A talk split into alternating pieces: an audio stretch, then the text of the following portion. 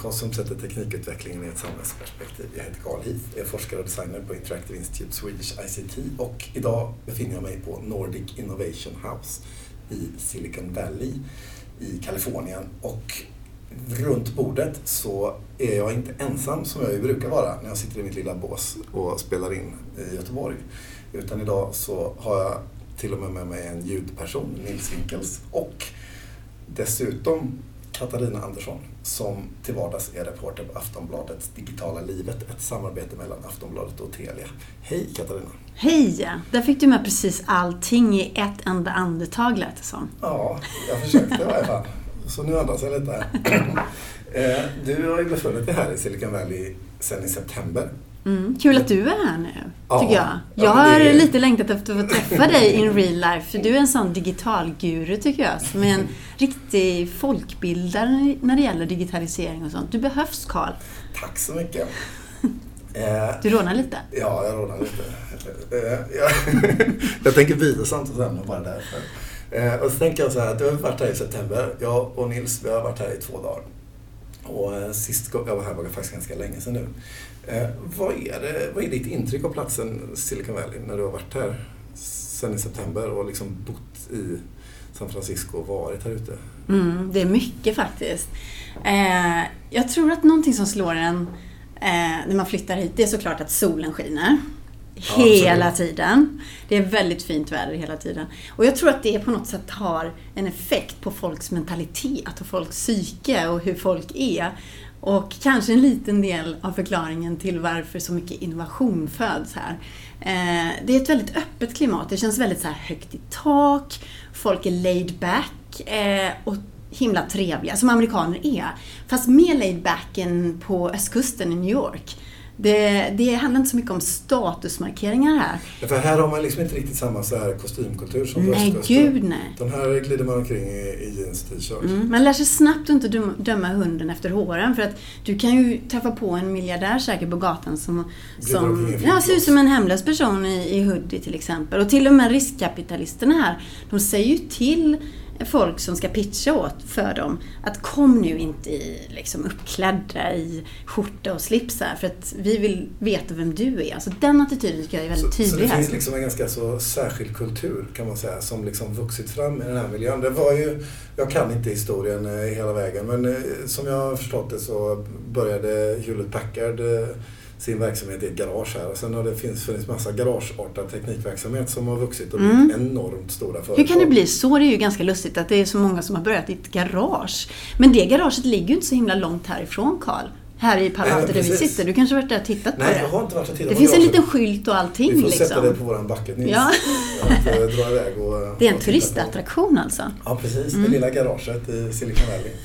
Men det är ju, garaget är ju någonstans också liksom en metafor för liksom hur de här jättestora företagen har kommit att växa upp och bli någonting. Vi har ju liksom i Silicon Valley så har vi ju massa olika orter. Eh, Mm. Och varje ort känns det som har sitt stora IT-företag. Så vi har Apple i Cupertino och vi har Google i Mountain View. Och eh, ska vi se, Menlo, Facebook, i Menlo Park. Och det här ligger ju bara några stationer med det så kallade Caltrain, alltså California Train, eh, mellan varandra då.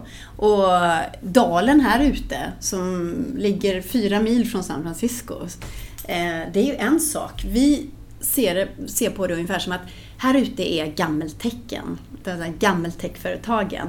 Och idag vill alla nya startups vara inne i San Francisco. Så man hänger liksom, och då finns det lite olika områden i San Francisco som är liksom lite coolare än andra områden och sådär givetvis. Mm. Föreställer jag mig. Mm. Och sen börjar ju Oakland bli väldigt, väldigt coolt också. Som är på andra sidan bukten. Bron, ja, på andra sidan Oakland Bridge. Eh, det känns lite som att techisarna tar över inne i San Francisco. I takt med det så flyttar alla coola konstnärer och artsy typer över bron till Oakland. Så den eh, Och sen vill, avdelningen... liksom, då vill eh, de nya techföretagen följa efter sen och så gentrifieras ännu en del av. Precis, Uber flyttar ju precis ut nu över bron. Och då har Uber gjort en himla bra grej tycker jag för att stötta lokala eh, business där ute.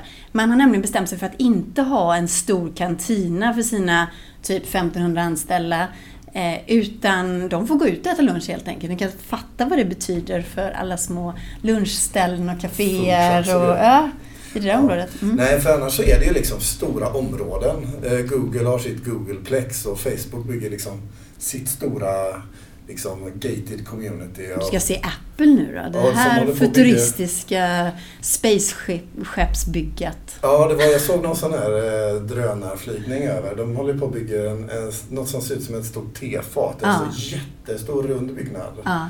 Som eh, ska kunna, jag tror det ska kunna jobba 15 000 personer eller någonting. Helt galet många. Det ser helt fantastiskt ut. Så, eh, så det är, all, alla de här företagen är ju här. Mm. Men vad som också är intressant är ju att vi har dem ju i våran ficka eh, jämt. Eh, merparten av de här företagen. Jag tänker, hur tänker du om det här när, efter att ha varit här en stund? Hur ser du på det här med att de här skitstora företagen finns på en liten yta här i Silicon Valley men ändå har en så enorm påverkan på vår vardag. Vi har ju i, i digitalsamtal pratat om liksom plattformsutmaningarna med liksom hur, hur mycket just de här teknikföretagen som plattformar tar, liksom dominerar vår vardag. Hur, hur, finns det någon liksom koppling där med liksom den här platsen och att de alla hänger här på västkusten i USA och hur det påverkar oss eh, i Sverige som är på andra sidan klotet? Ja, alltså det är ju egentligen lite märkligt att de ligger inom, inom radie på några kilometer så nära varandra. Och San Francisco är ju tillräckligt litet för att eh, man kan inte göra bort sig som entreprenör. Det har jag förstått när jag pratar med entreprenörer.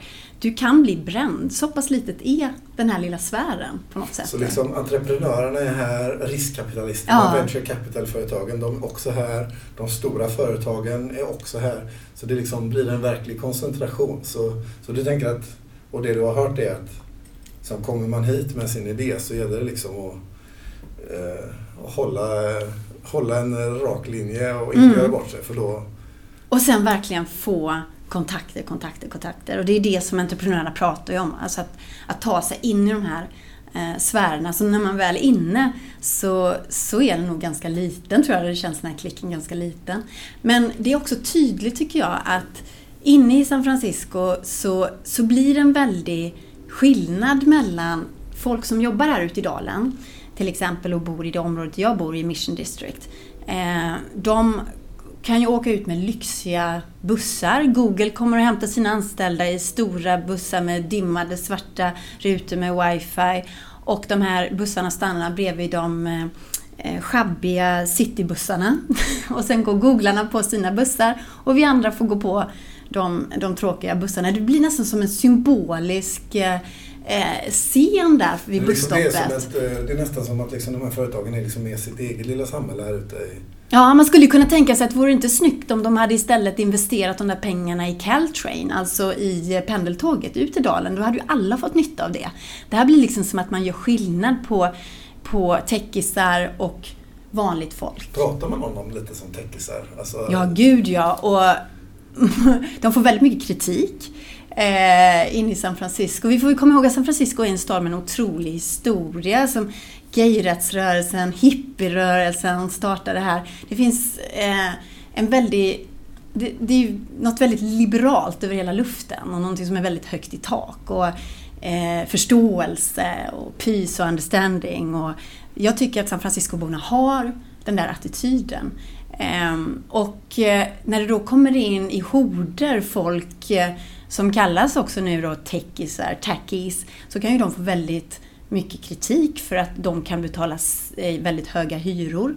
Vilket innebär att folk som har bott i sina hyreshus åker ut och så vill hyresvärden ha in någon som kan betala tre gånger så mycket hyra till exempel. Och då får ju techisarna skulden för det. Eh, att lokala restauranger eller små ställen som ett hål i väggen åker ut för att, för, för att en restaurang som eh, hamburgare för 50 dollar ska in till exempel. Så här finns en konflikt mellan det gamla San Francisco och eh, det nya San Francisco som, som byggs på techboomen, tror jag. Och i, eh, i attityder och inställning, liksom. absolut. Och, och de här stora företagen, de har vi ju liksom en relation till som konsument eh, i våran ficka hela tiden och vi Mm. liksom kollar Facebook och twittrar och har oss och sådär. Så vi har liksom en vardagsrelation till de här företagen på något sätt. Eh, Men man vet ju också som användare att liksom, om det blir någonting lite tokigt eller man på något sätt behöver liksom få kontakt med de här företagen och prata med någon så är det ju ganska svårt för mig liksom, i Göteborg. Och här, ringa Google är liksom inte något som jag kan göra. Eh, vad, vad jag vet i varje fall. Och då tänker jag, liksom, hur är det nu precis när vi håller på att prata här så pågår Google I.O. som är Googles stora utvecklingskonferens bara ett stenkast därifrån. Och, och där står ju Googlarna på en stor scen. De- är väl någon utomhusmiljö i år? Ja, jag har varit där nu i två dagar i rad. Det pågår idag också. Det är eh, sista dagen idag.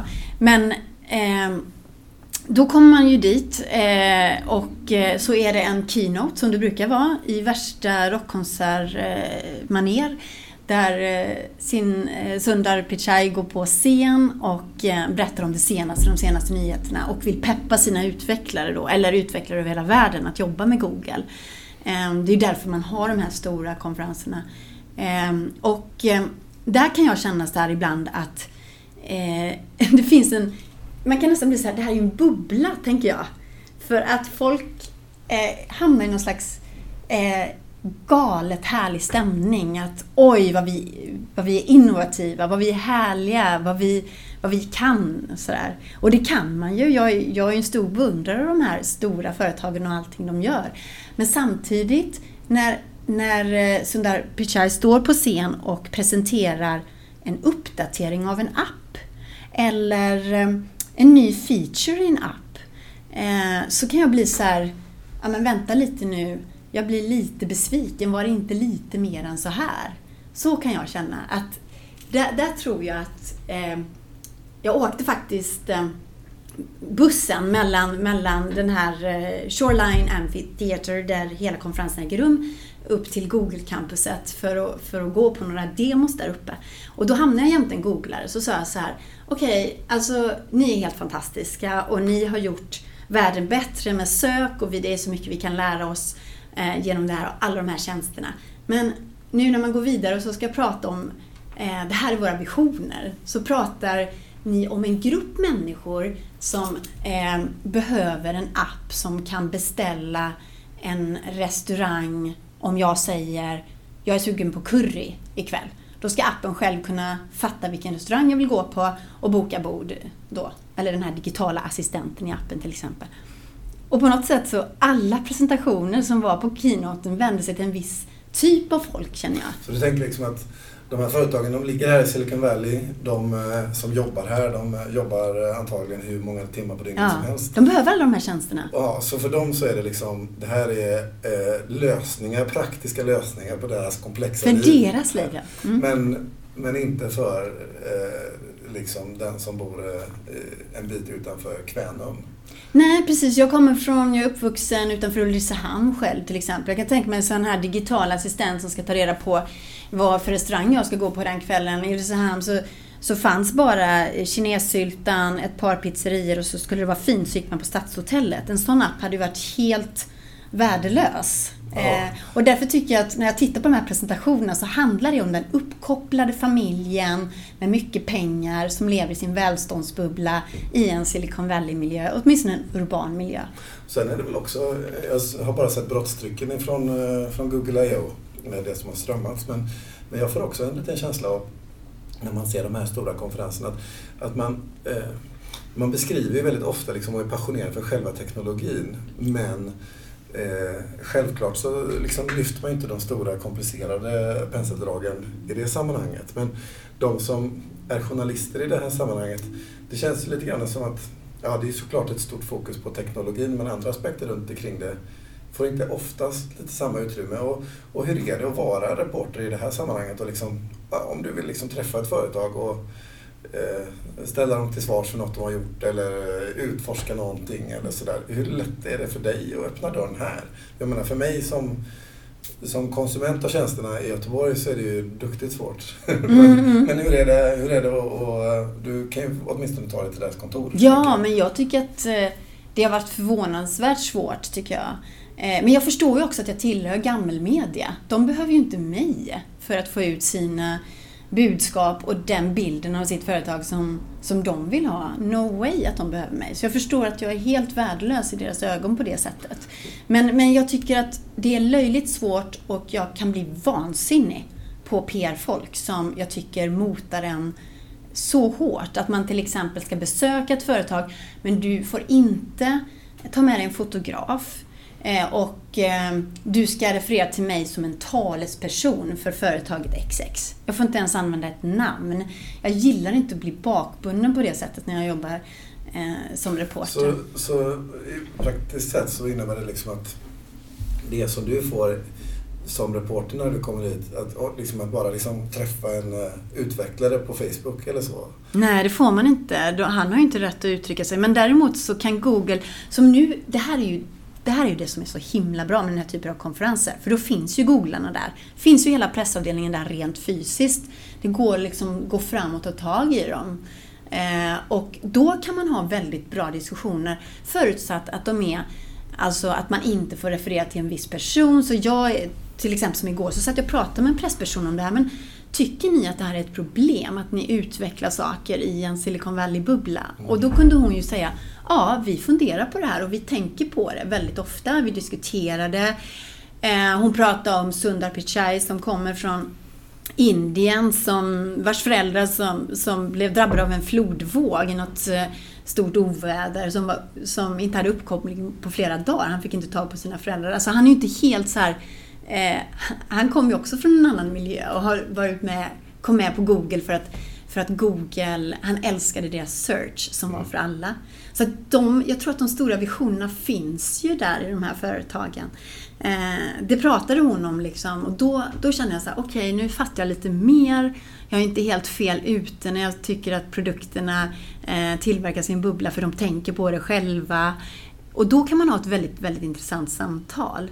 Men det gäller ju att komma alltså fysiskt nära för annars så, så är det jättesvårt. Men det är fortfarande pressfolket som man kan ha den relationen till i de stora företagen. Det är, liksom inte, det är fortfarande så att det finns liksom barriärer och trösklar och eh, non-disclosure agreements. Att man inte får liksom berätta vad man ja. med. Och... Ja, och också så tror jag så att eh, ofta är det så att jag kommer från ett svenskt medieföretag våran produkt finns inte på er marknad än, du, du, är inte alls intressant för oss på det sättet. Sådär.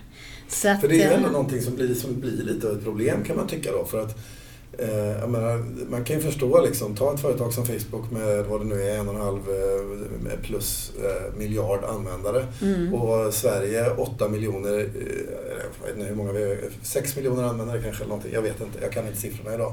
Men vi är ju liksom extremt ointressanta i det stora, stora Facebook rimligen bara sett till antalet användare. Och, och att, att det just därför blir liksom det här Ja, som du var inne på, att de kan ju kommunicera sitt budskap på tusen andra sätt. Men, mm. men media har ju också en, en annan eh, viktig roll och det är just den där granskande, utforskande eh, rollen.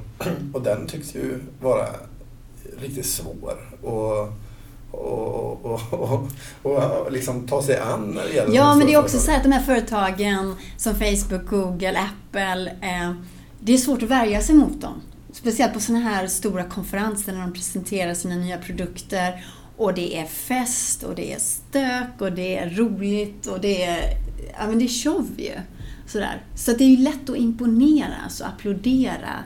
Och den, eh, de journalisterna som är där är ju ofta journalister som, som bevakar tech. Inte journalister som bevakar politik eller samhälle. Men det är också de journalisterna som kanske borde vara där, tycker jag. Ja, för det är lite dit jag liksom lite på väg i mina tankar. Det är att vi, vi, vi hör väldigt ofta mycket techvinklar på att, ja men som till exempel nu när Google lanserar Google Home som är någon form av konkurrent till eh, Amazons Echo som är ett, eh, en högtalare med vilken man kan prata och få olika typer av assistentsvar. Lite mm. som Siri i sin telefon eller så. Fast man inte behöver trycka på en knapp eller så utan man kan bara säga liksom eh, hej och så svarar den. Eh, den för, liksom min reflektion när jag såg den produkten är ju att den förändrar hur vi ser på sökning. Att vi istället för att kunna titta på tio alternativ och vara källkritiska till det, om jag ställer frågan till en högtalare, så här, vad blir det för väder? Eh, då kommer jag få vädret enligt en app som jag själv inte vet eh, och så mm. vidare, mm. för den bara ljudar upp det. Eh, och om jag då ställer en mer komplex fråga som, där man har anledning att vara källkritisk så kommer ju den här teknikförändringen eh, påverka hur jag beter mig källkritiskt. Du kommer bara få ett svar menar du av rösten? Ja, jag får ju bara ett svar. Det svaret det är ungefär som att trycka på så här, jag har tur-knappen på Google. Liksom. Ja. Och och det förändrar ju hur jag interagerar och också ansvaret lite grann på vad är det för budskap jag får. jag älskar den typen av frågeställningar. Ja. Jag tycker att det är precis där som journalistiken ska eh, ska gripa in. Ja, och, det är alltså, det vi ska prata om. Det delar vi ju den uppfattningen. Men vad jag kan känna det är att när man får rapportering från eh, Google I.O. eller mm. många andra ställen, så precis som du är inne på, så det är väldigt mycket teknikjournalister. Och det som man tar till sig av det är liksom mojängerna och sakerna. Mm. Eh, det är inte så mycket, men samtidigt som vi också vet att de här mojängerna och sakerna påverkar sättet på vilket vi beter oss i samhället eller interagerar med varandra eller staten eller vad det nu kan vara för någonting. Mm. Och, och där finns det liksom, det är en ganska lång, om det, lång resa om det då är, också är så att vi i Sverige är liksom ett litet bakhåll någonstans eh, i världsrymden av de här stora företagen och att ni som journalister och reportrar har svårt också här att möta dem så är det ju liksom på något vis kanske, det känns lite som ett tecken på ett system som är ja, på något sätt lite trasigt nästan. Mm. Men frågan är ju också hur länge man kan hålla på sådär. Vi, vi har ju sett Facebook nu de senaste veckorna när det har varit sånt rabalder om deras trending topics. Eh, det var alltså eh, en sajt som avslöjade att det inte alls algoritmer bara som styr eh, hur, vad vi får för nyheter i den här Trending Topics-kolumnen på högra sidan i Facebook-feeden. Utan eh, det är också människor som sitter där och det fanns anklagelser om att vissa redaktörer inne på Facebook hade bumpat ner de här ämnena som handlar om alltså konservativa nyheter som skulle gynna då eh, Republikanerna till exempel. Och så. Då, så, då såg vi det att plötsligt blev det ju ett väldigt ståhej kring det där och eh, eh, någon senator i senaten krävde svar från eh, Zuckerberg och Zuckerberg gick själv ut och skrev ett långt inlägg och sådär. Så frågan är också hur, hur länge eh, techisarna kan springa före hela tiden, för det, det gör ju techisarna alltid. De, de kommer ju först med innovationer och sen så kommer eh, andra samhällsperspektiv ofta efter. Och nu har det ju varit en lång, lång period av Eh, av teknokrati kan man säga, när vi har liksom stirrat blind på tekniken och eh, älskat alla nya eh, möjligheter och så som, som, som de här företagen skapar. Men det kanske också finns en, en tid för något, någon slags mer eftertanke. Alltså när nu då som Facebook har blivit så otroligt mäktigt när det gäller våra nyheter. 60% av amerikaner online säger att Facebook är deras primära nyhetskälla, det är dit de går för nyheter. När det har blivit så mäktigt, då kanske andra diskussioner också liksom bubblar upp till ytan och där kan ju inte Facebook bara stänga dörren om alla pratar om det. Och det är där jag tänker att där kanske finns något intressant. Alltså det borde ju verkligen, man kan hoppas det i varje fall. Mm. Eh, sen får vi väl se vad den framtiden utvisar. Det är ju, det är ju, eh, man kan fråga sig om, om samma kritik hade väckts i den svenska marknaden. Hade Facebook reagerat då? Eller hade, är det här för att det är på hemmaplan, det är amerikanska senatorer ja. och så vidare. Och just det där med liksom det globala företaget. Och, eh, det, det, får ju nya perspektiv och vinklar som gör det hela verkligen svårt. Jag tycker att det är taskigt att, att eh, du vet, Angela Merkel, hon, hon greppar ju tag i Zuckerberg rent fysiskt inne på FN någon gång och sa nu får du göra någonting åt de här hatkommentarerna på tyska Facebook. Eh, och då händer det saker och ting, eller hur? Men det förutsätter jag... Men när det händer i Sverige, när vi är arga och DN går ut och trumpetar att nu får det vara, vara slut på det här och journalisten Jack Werner inte får en intervju med Facebook. Eh, även om vi protesterar om hur Facebook eh, sovrar i våra flöden och kommentarer, då händer ju ingenting. vi får väl se vart den här utvecklingen eh, vänder och vrider på sig. Man kan föreställa sig att i takt med att de här företagens makt ökar, för det lär de väl fortsätta att göra en bra tid till, så har vi ju all anledning att, att fundera över eh, hur relationerna är. Eh, mm. och, och om det här kommer förändras eller om det består. Vi behöver runda av här. Vilket kul samtal. Ja, Tack verkligen. så jättemycket Katarina för att du hade tid och möjlighet att vara med i Digitalsamtal. Tack för att jag fick vara med. Och tack så jättemycket Nils för att du har eh, roddat tekniken på ett förtjänstfullt sätt här när vi är ute på eh, resäventyr. Eh, med det här så är dagens podcast slut. Hör gärna av er med kommentarer, tankar och funderingar i Facebookgruppen Digital samhällskunskap. Och har ni någon fråga, tveka inte att höra av er. Det går bra att höra av sig på våran mail om man vill det. Det är podcast.digitalsamtal.se. På Twitter finns vi på digitalsamtal och prenumererar ni på podcasten får ni jättegärna rate oss i iTunes och många andra tjänster så hamnar vi högt upp bland sökresultaten och fler får möjlighet att hitta till oss. Men till nästa gång, hej då!